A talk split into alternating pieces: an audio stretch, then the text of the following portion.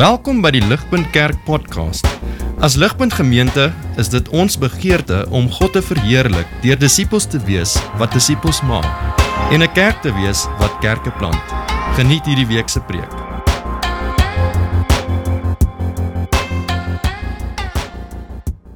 Dan sê julle ehm um, ek het gedink ek sal vanoggend ons gedeelte begin deur uh so 'n bietjie te gesels oor 'n uh, 'n liedjie wat ou Bob Dylan geskryf het hier by 1970, die Koue Oorlog tyd uh tussen Amerika en Rusland. Nou uh dis 'n kontroversiële liedjie gewees en niemand wou noodwendig so 'n tipe liedjie gehoor het in daai tyd nie. Ehm um, tydens die Koue Oorlog tussen Amerika en Rusland uh was daar 'n organisasie gewees wat ontstaan het in Amerika. Hulle is intedeel ek dink hulle is vandag nog aktief, maar hulle was baie aktief in daai tyd gewees wat hulle die John Bird Society genoem het. Dit was 'n waakorganisasie en die John Bird Society was ouens gewees wat baie bekommerd was oor die invloed van kommunisme in die weste. En so uh dit was 'n redelike militante groep mense wat uitgegaan het en die invloed van kommunisme oral gesoek het um, in Amerika spesifiek en waar hulle dit gevind het of gedink het baie keer hulle dit gevind het, het hulle dit ontbloot. En ehm um, daar was ook 'n mate van grenslyn vigilante aksie wat die ouens soms teen dit teen dit geneem het teen die verdagtes. Ehm um, John uh, Bob Dylan skryf 'n liedjie oor een van die ouens wat by die John Birch Society aangesluit het. Uh maar sy liedjie is nie 'n uh, is nie 'n kompliment nie. Uh dis 'n bietjie kontroversieel. Ehm um, jy weet hy spot so 'n bietjie met die John Birch Society. En dit gaan oor hierdie ou wat by hulle aangesluit het en ek het gedink ek wil net van die woorde van die liedjie vir julle lees en uh, dan gesels ons 'n bietjie verder daaroor. I was looking everywhere for them gold on rates. Dis nou die rates natuurlik is die kommuniste. En uh hier is die ou wat hulle aangesluit het wat hy praat. I was looking everywhere for them gold on rates. I got up in the morning and looked under my bed. Looked in the sink behind the door. Looked in the glove compartment of my car. Couldn't find them. Uh, I was looking high and low for them rates everywhere. I was looking in the sink and underneath the chair. I looked up way. Uh, I looked way up my chimney hole. I even looked, uh, looked deep down inside my toilet bowl. They got away. I quit my job so I could work alone. Changed my name to Sherlock Holmes. Followed some clues from my detective bag, and discovered there were red stripes on the American flag. En vriende, hier hoor ons eintlik uh, Dylan se se se kritiek. Uh, wat hy sê is dat daar iets van die rooi gevaar ehm um, van kommunisme al die tyd in die Amerikaanse vlag self ook sit. En dis wat hy opmerk. Uh, nou, jy weet Dylan probeer wys hoe die uh die sogenaamde beter Amerikaners wat hulle beroem het daarop dat hulle van die John Bird Society is. Uh hy probeer wys hoe hierdie ouens uh wat hulle self geroem het daarop dat hulle hierdie geregtige vegters teen kommunisme is, eintlik baie van dieselfde dinge begin doen het as wat die kommuniste gedoen het. Ehm um, jy weet hierdie geweldige paranoia wat hulle gehad het en ontwikkel het en hierdie hierdie kloppe jag op alles wat verdag gelyk het in mense om hulle. Het hulle eintlik baie soos die kommuniste te waarteen hulle beklei het laat lyk. So die punt wat Dylan probeer maak in sy liedjie is dit om te roem daarop dat hierdie beter mens is. Maak jy waarskynlik net die slegter mens. So hy eindig sy liedjie met die woorde: "While I finally started thinking straight when I ran out of things to investigate. Couldn't imagine doing anything else. So now I'm sitting home investigating myself." So dis dis 'n slim liedjie en dit was kontroversieel want niemand wou dit gehoor het nie. Ehm um, jy weet uiteindelik daag die liedjie uit om beter mense te word. Dis 'n liedjie wat ons roep om te sê kom ons word beter mense, maar nie deur voor te gee en te roem daarop dat ons is nie, maar eerder om eerlik te wees dat ons nie is nie. En uh julle dit bring ons na hierdie gedeelte vir vandag toe. Ons is besig met hierdie reeks uit 1 Korintiërs uh wat ons die titel gegee het nuwe mense, nuwe lense en die gedagte daarmee wat ons oorhoofs daarmee bedoel is dat die evangelie van Christus ons nuwe mense maak wat deur nuwe lense lewe. En nou een manier hoe die evangelie ons nuwe mense maak, het te doen met hierdie kwessie wat in Dylan se liedjie uitkom. Uh ons sien ons almal wil graag roem daarop dat ons die beter mense is. En dit is hierdie John Bird Society ou wat so reg is vir alles wat verdag is om hom. maar tog ook so verskriklik verkeerd oor alles wat vandag is in homself.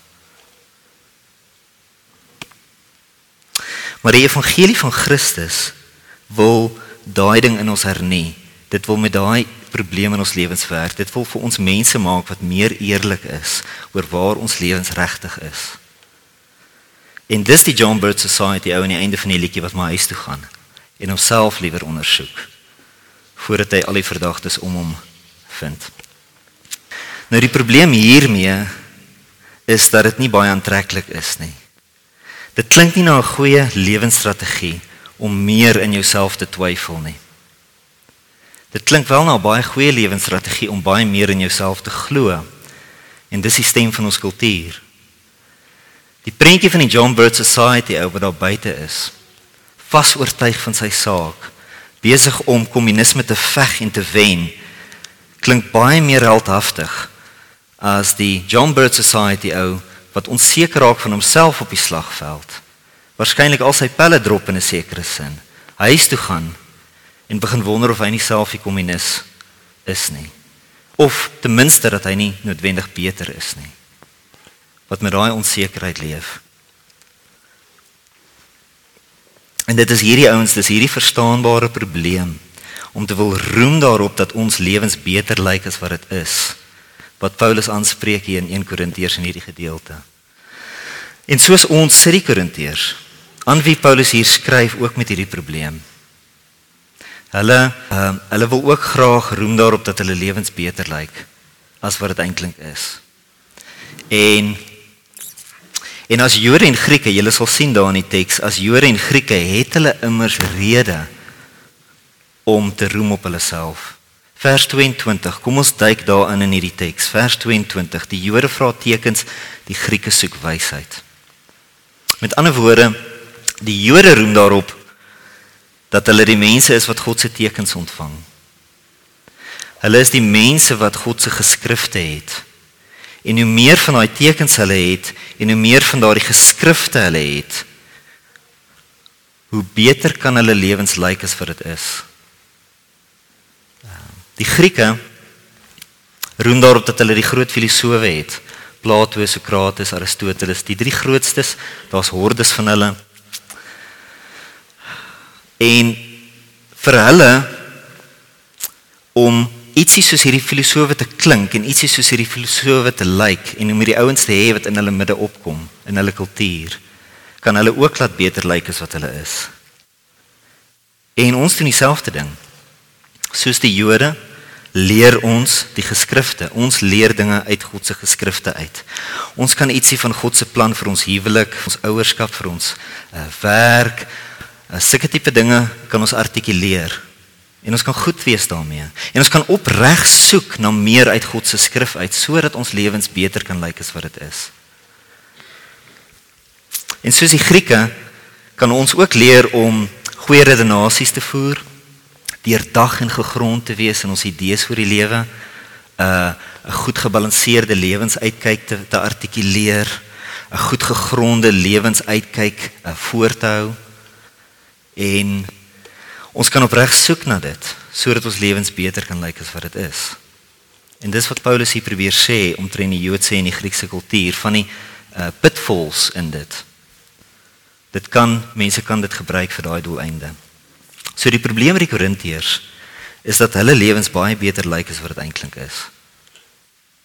En hierdie probleem um, speel ook uit op 'n interessante manier in die kerk. So om net bietjie terug te kyk na verlede week. Ehm um, Die vorige gedeelte wat Elof verlede week hanteer het, 1 Korintiërs 1:11 tot 12. Dit behoort op die skerm te wys want dit is nie op julle blaadjies nie, so ek lees dit vir ons. Broers, ek is deur Chloe se mense ingelig dat daar twiste onder julle is. Wat ek bedoel is dat elkeen van julle sê ek is van Paulus of ek van Apollos of ek van Cephas of ek van Christus. Nou julle, dis nie net dat elkeen van hierdie mense um aanklank vind by verskillende leiers in die kerk nie. Um dis eerder dat hulle roem daarop. Met ander woorde, ek is 'n Paulus ou of ek is 'n Apollos ou of ek is 'n Cephas ou en dan jy altyd daai een ou wat sê wel ek is 'n Christus ou. So bly julle almal net stil. Maar dis als nog maniere om beter te lyk as wat ons is. Vriende, die doel van 'n Christen wees is nie om jou lewe beter te laat lyk as wat dit is nie. Ons volg nie vir Jesus vir daai rede nie. En wat hierdie ander kerkleiers aanbetref, die ironie is dat hulle lewens ook waarskynlik beter lyk as wat dit eintlik is. Die skrif leer ons op verskeie plekke dat hierdie leiers se eie lewens eintlik ook maar vol krake was. En dit bring ons weer terug na ons gedeelte toe. Vers 26 in ons gedeelte. As jy saam met my kyk. Broers slaan ag op julle roeping. Eenslik gesproke is daar onder julle nie baie wyses, nie baie invloedrykes of mense van adelike afkoms nie. Nou Paulus is nie besig om hier vir die Korintiërs iets te vertel um wat hulle nie weet nie. Hy's nie besig om vir hulle te vertel dat hulle lewens nie is soos wat dit lyk nie. Hy's eerder besig om vir hulle te vertel dat hulle dit weet. Slaan ag op wat julle weet. Hy's op 'n mooi manier besig om hulle te vertel dat hulle dit als reeds weet. Die krake wys in hulle lewens vir al hulle pogings om beter te lyk. Wys die krake van hulle lewens wie hulle regtig is en waar hulle regtig is. En dis waar hy met hulle wil praat.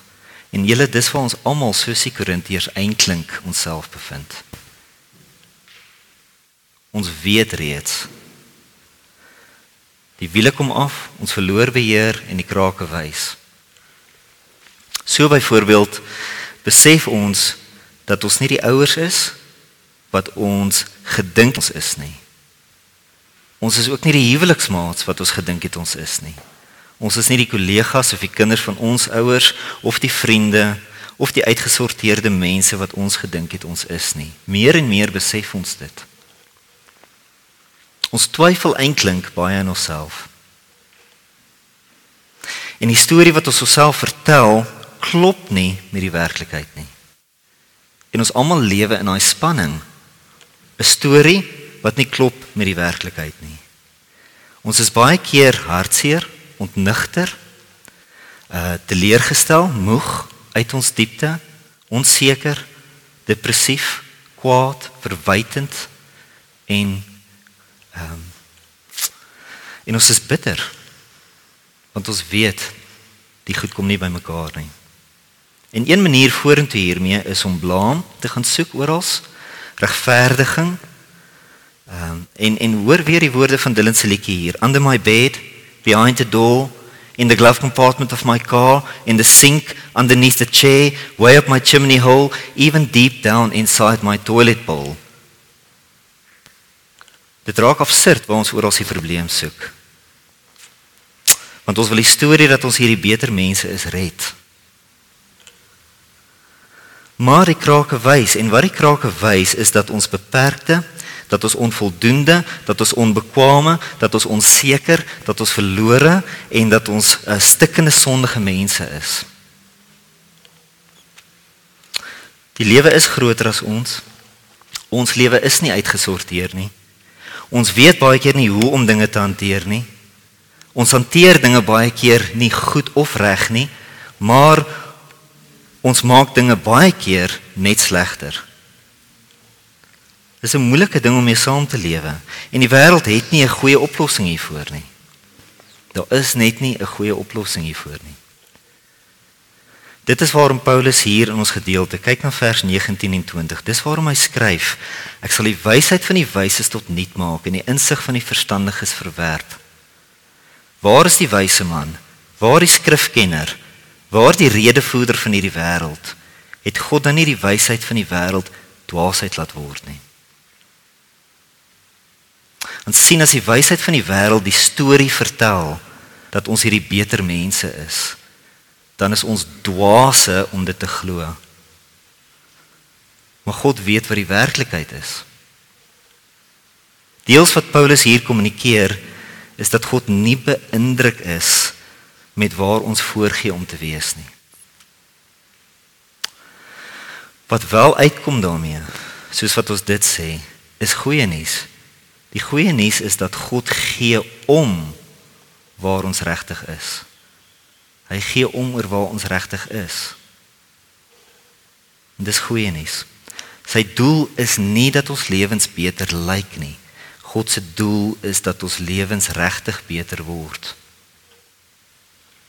En ons sien dit hier in die woorde van 26 tot 28 in ons gedeelte daar.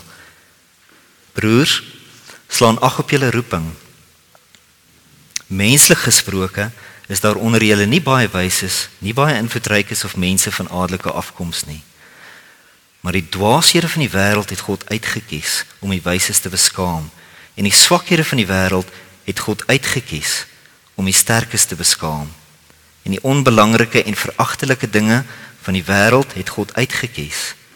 Dit wat niks is om wat wel iets was tot niet te maak. So in hierdie stuk vra Paulus die Korintiërs om ag te slaan op hulle roeping. So wat is hulle roeping? Waarna word hulle geroep? Hulle word geroep om na die krake van hulle eie lewens toe te kom. Waar dinge veragtelik en swak is. Waar God met hulle lewens wil werk. Dis is Morpheus wat vir Neo uit die Matrix uitroep. Jy onthou daai baie beroemde woorde. Welcome to the desert of the real. Met ander woorde, dis nie mooi in die krake van ons lewens nie. Maar wat ons aanmoedig om daarin te gaan, is hierdie gedagte wat ons hier raak lees. Paulus sê vir ons God wil met die veragtelike dinge in ons lewens werk. Hy wil dat ons beter word eerder as wat ons net beter lyk.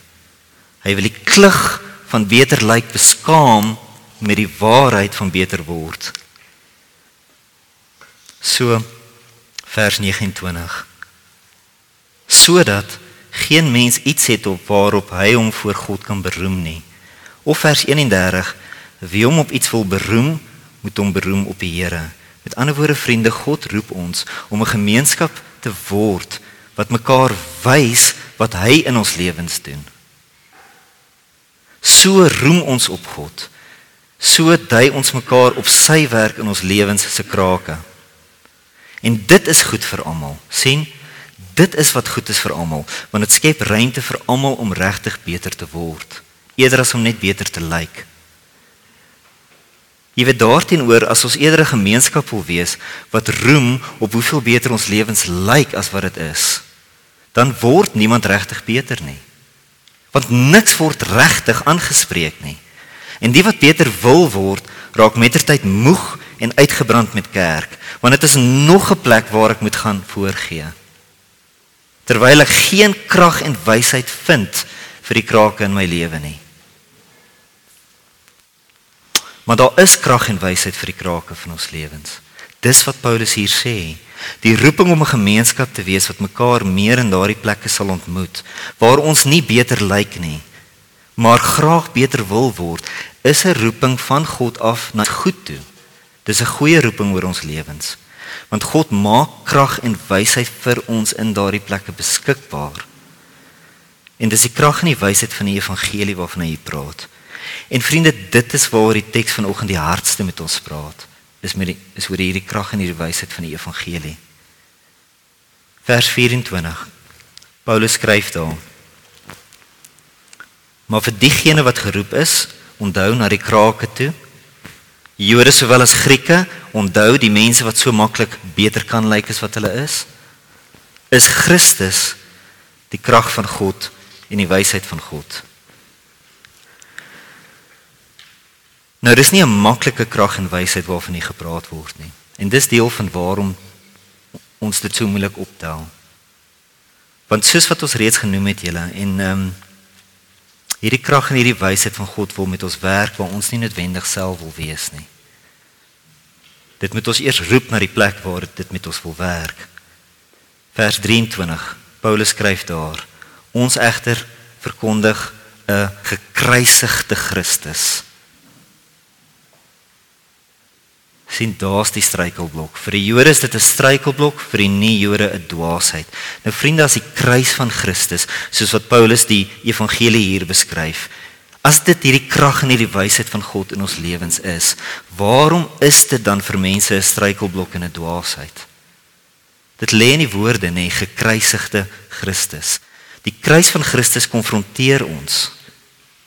Dit konfronteer ons met ons swakheid, met ons dwaasheid en met ons sondigheid. Dit ontbloot die klug van ons pogings om beter te lyk as wat ons is. Stel jouself voor jy's een van die John Bird Society ouens. Jy het so pas 50 ringleier kommuniste in Amerika ontbloot. Jy's 'n nasionale held. Daar word 'n seremonie gereël waar jy 'n medalje vir beste Amerikaner kry. En tydens hierdie hele gedoente kom iemand na vore met bewys bewyse dat jy eintlik ook een van die ringleier kommuniste is. Dis wat die kruis van Christus met ons doen.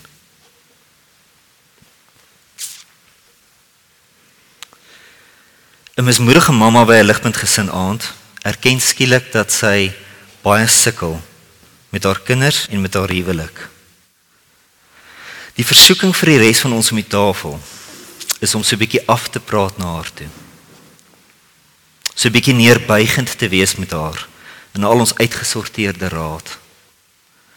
Want ons lewens lyk mos bietjie beter. Bietjie soos die lewe van Paulus of Apollos of Cephas of as jy daai een ou is, Jesus. Dis mos wat ons voorhou. So vriende, wat doen ons nou met haar? sien? Dit is die verdeeldheid van die kerk waarvan Paulus in 1 Korintiërs praat. Dit verdeel die kerk. Die kruis van Christus verenig die kerk want dit ontbloot die waarheid dat ons almal om die tafel se lewens soos die mismoedige mamma se lewe is. Ons almal sukkel met ons kinders en met ons huwelike. Net so sy. Elke liewe een van ons.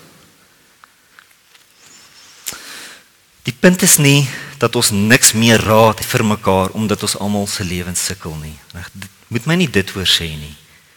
Die punt is dat die raad wat ons mekaar gee, die krag en die wysheid van God in ons eie gesukkel sal wys.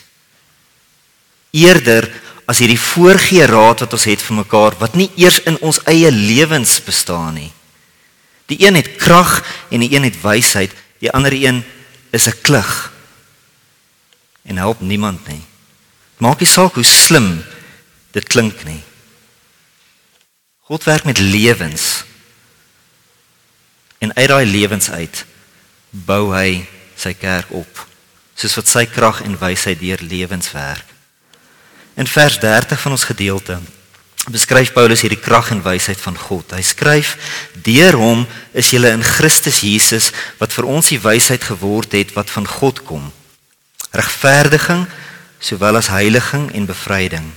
So, jy weet ek wil afsluit met hierdie beskrywing van God se krag en sy wysheid as regverdiging, heiliging en bevryding, soos wat Paulus hier daaroor praat. Hierdie regverdiging, hierdie heiliging en hierdie bevryding deur Jesus Christus praat direk met die krake van ons lewens. Dit bring goeie nuus na daai plekke waar ons nou teks geroep word. Gaan daar waar die kruis jou ontbloot, waar die behoeftig is, waar jou lewe swak is, waar jou lewe veragtelik is, waar jy sukkel met dinge. En hoor dan dat hierdie evangelie van Christus regverdiging, heiliging en bevryding bring. Die regverdiging verwys na die feit dat Jesus vir ons gekruisig was. So wees nou skielik saam met jou daar in daai plek van swakheid. Jy kom daar aan in jou lewe en jy besef Jesus is vir my gekruisig in hierdie plek. Dis waar ons God vind.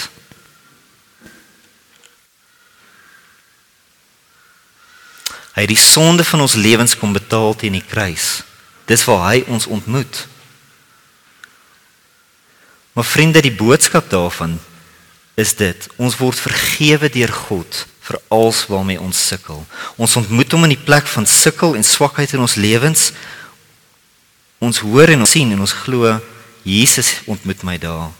Hy dra dit, hy betaal dit en hy vergewe my daarvoor. Nie net is God saam met my daar nie, hy vergewe my vir dit. Nie alles waarmee ons sukkel is 'n saak van sonde nie, reg? Maar omdat God al ons sonde vergewe, beteken dit ook dat God niks waarmee ons sukkel teen ons hou nie. God is nie teen jou in die dinge waarmee jy sukkel nie. Die kruis van Jesus leer ons hy is saam met jou. Inteendeel, God is vir jou in die dinge waarmee jy sukkel. Dit is wat met die heiliging hier bedoel word. God regverdig alles waarmee jy sukkel. Vriende, God regverdig alles waarmee jy sukkel.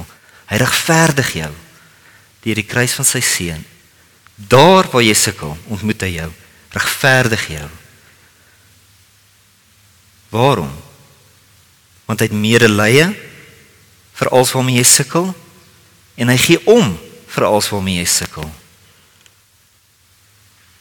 God is baie naby aan waar jy regtig is en hy wil jou daarin ontmoet om saam met jou daardeur te begin werk. Dis nie net dat hy vergewe jou nie, hy vergewe jou sodat jy nou kan begin werk aan hierdie goeders. Sodat jy nie bly weghardloop van dit af nie, sodat jy nie bly toewy daaraan om beter te lyk die hele tyd nie. Dis 'n vorm van krag, God se vergifnis. Dis 'n krag en dit bring jou by 'n wyser plek in die lewe, want jy's nou in staat om die dinge in jou lewe te begin square voor jou te sit en te sê wat is aan die gang hier?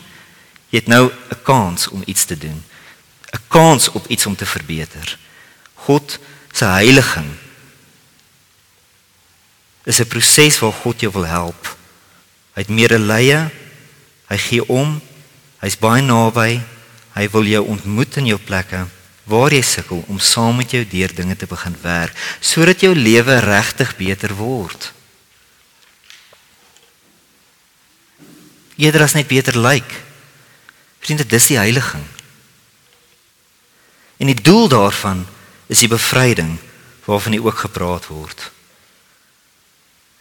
God wil ons bevry. In beginsel, deur die kruis van Jesus, het ons hierdie dinge reeds in ons lewens. Ons is regverdig, ons is geheilig en ons is bevry.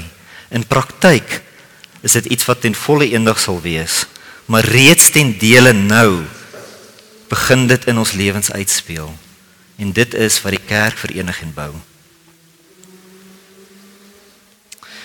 So omdat Jesus vir ons gekruisig was, is God gebonde aan hierdie dinge in ons lewens. Hy gaan jou regverdig in jou gesukkel. Hy gaan dit bly doen want hy het dit reeds gedoen. Hy's gebonde daaraan. Hy wil met jou lewe werk. Want jy's nie net die kruis is nie net vir niks nie. Dit wys God se omgee ook, sy betrokkenheid en hy kom in deur dit. Hy wil saam met jou werk daaraan. God gee om daaroor dat jy bevry word. Ons kan daarop vertrou. So dit roep ons om meer gemaklik te wees om mekaar in die krake van ons lewens te ontmoet. Omdat ons durf glo dat God dit reg soos wat hy ons help. Dit is soos wat hy in ons lewens betrokke is en ons sien hom so. En vriende, dit is wat goed is vir ons as die kerk. Eerder as hierdie voorgee van beter lyk is wat ons nie is nie. Om af te sluit, ehm um, een van die ligpunt mammas het my toestemming gegee om iets met julle te deel wat sy uh, met my kom deel het hierdie week. So, jy weet ek doen dit graag want uh dit illustreer ietsie van dit waaroor ons praat vanoggend. Ek dink dit illustreer ietsie van wat Paulus hier vir hierdie mense sê in Korinte. So sy sy, sy het so rukkie terug gesukkel met 'n uh, 'n kwaad teenoor haar seun. Uh wat sy nie lekker verstaan het nie. Haar seentjie wou nie regtig eet nie en as hy het, het hy baie van die kos weer opgebring.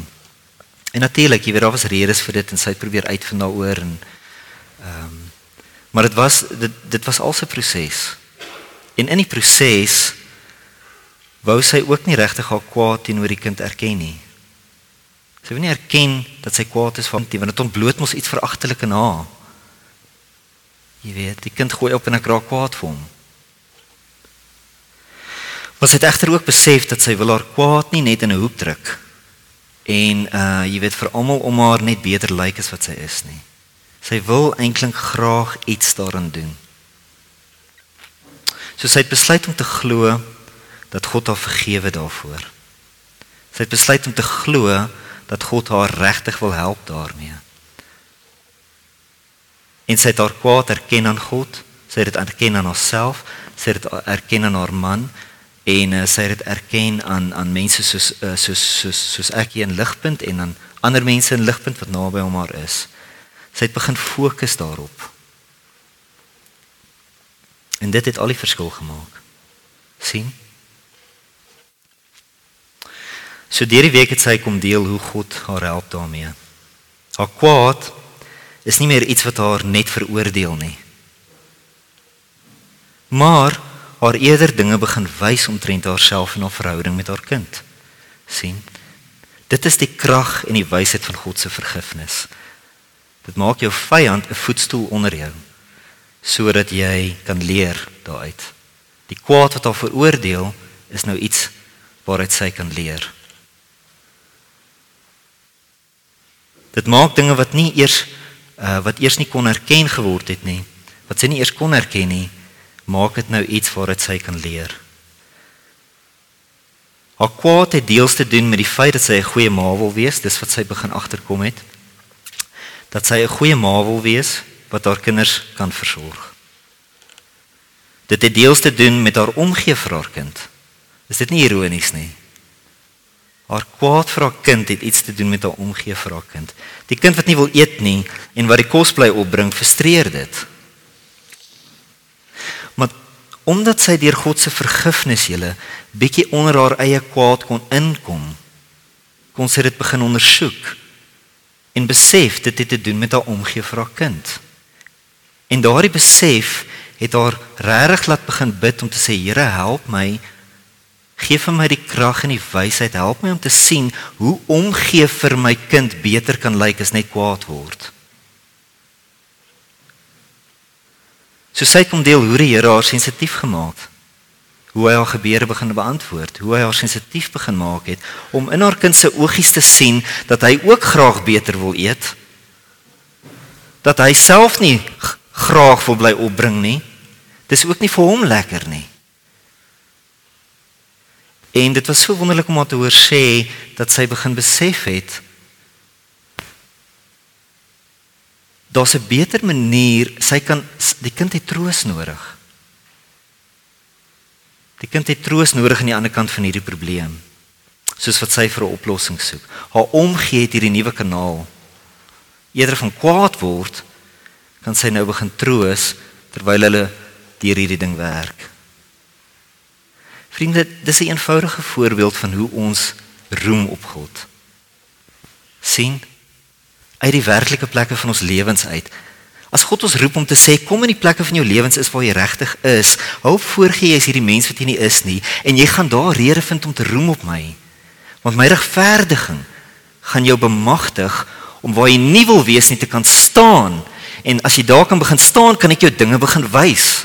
Ek kan met jou lewe begin werk. En ons baie wat ek het om vir jou te wys. Baie om jou te leer. Kom staan net stil. En hou beter lyk. Like. En wat Paulus vir die Korintiërs sê, so is dis hoe ons nie beter lyk like nie, maar beter word. Dis iets soos hierdie waarna Paulus die Korintiërs roep, dis iets soos hierdie waarna hy ons eie kerk roep om meer gemaklik te wees om in hierdie plekke te lewe met mekaar. Meer daarvan ons lewens, meer in ons kerk, meer veral in ons ligpunt gesinne sou ek sê. Vriende, ek hoop is duidelik. Ek ek gaan vir ons bid en dan dan gaan kuier ons verder. Vader, dankie vir hierdie woord. Dankie Here dat U ons roep na iets soos dit toe waar die wêreld net glad nie doen nie. Dat U roep ons na 'n plek waar die wêreld nie kan gaan nie. Want wie kan staande bly? in die realiteit van ons lewens. Jesus het hy het in dit ingegaan, hy het staande gebly, hy het getriomfeer. Hy verstaan ons. Hy weet wat om te begin doen in ons lewens in die plekke waar ons nie wil wees nie. Hy het ons regverdig om daar te gaan staan saam met hom. Hy wag vir ons daar reeds en roep ons na ons eie lewens toe. Waar hy dit verdra, waar hy dit regverdig, waar hy heilig, waar hy dit bevry Here, help ons om mense te wees wat minder behepsel wees met beter lyk en meer net vertrou dat U regtig vir ons soos wat ons bietjie meer gemaklik is om in mekaar se krake te staan sonder vinnige, maklike, oppervlakkige raad vir mekaar se lewens dat ons sal vertrou dat U besig is om baie vir ons redes te gee om te roem op U. Goeders wat werklik krag en wysheid vir mense sal gee. Soos hierdie vroutjie se lewe, Here, wat op 'n manier tog dink ek ver oggend met baie van ons praat. So Here, ek wil bid vir dit. Help ons daarmee want ons bly doen wat die Korintiërs doen. Ons bly vlug na die beter lyk like wêreld toe. So Here, ons bid dit in Jesus se naam. Amen. Vir meer inligting oor Ligpunt Kerk, besoek gerus ons webwerf op www.ligpunt.com of kontak ons gerus by info@ligpunt.com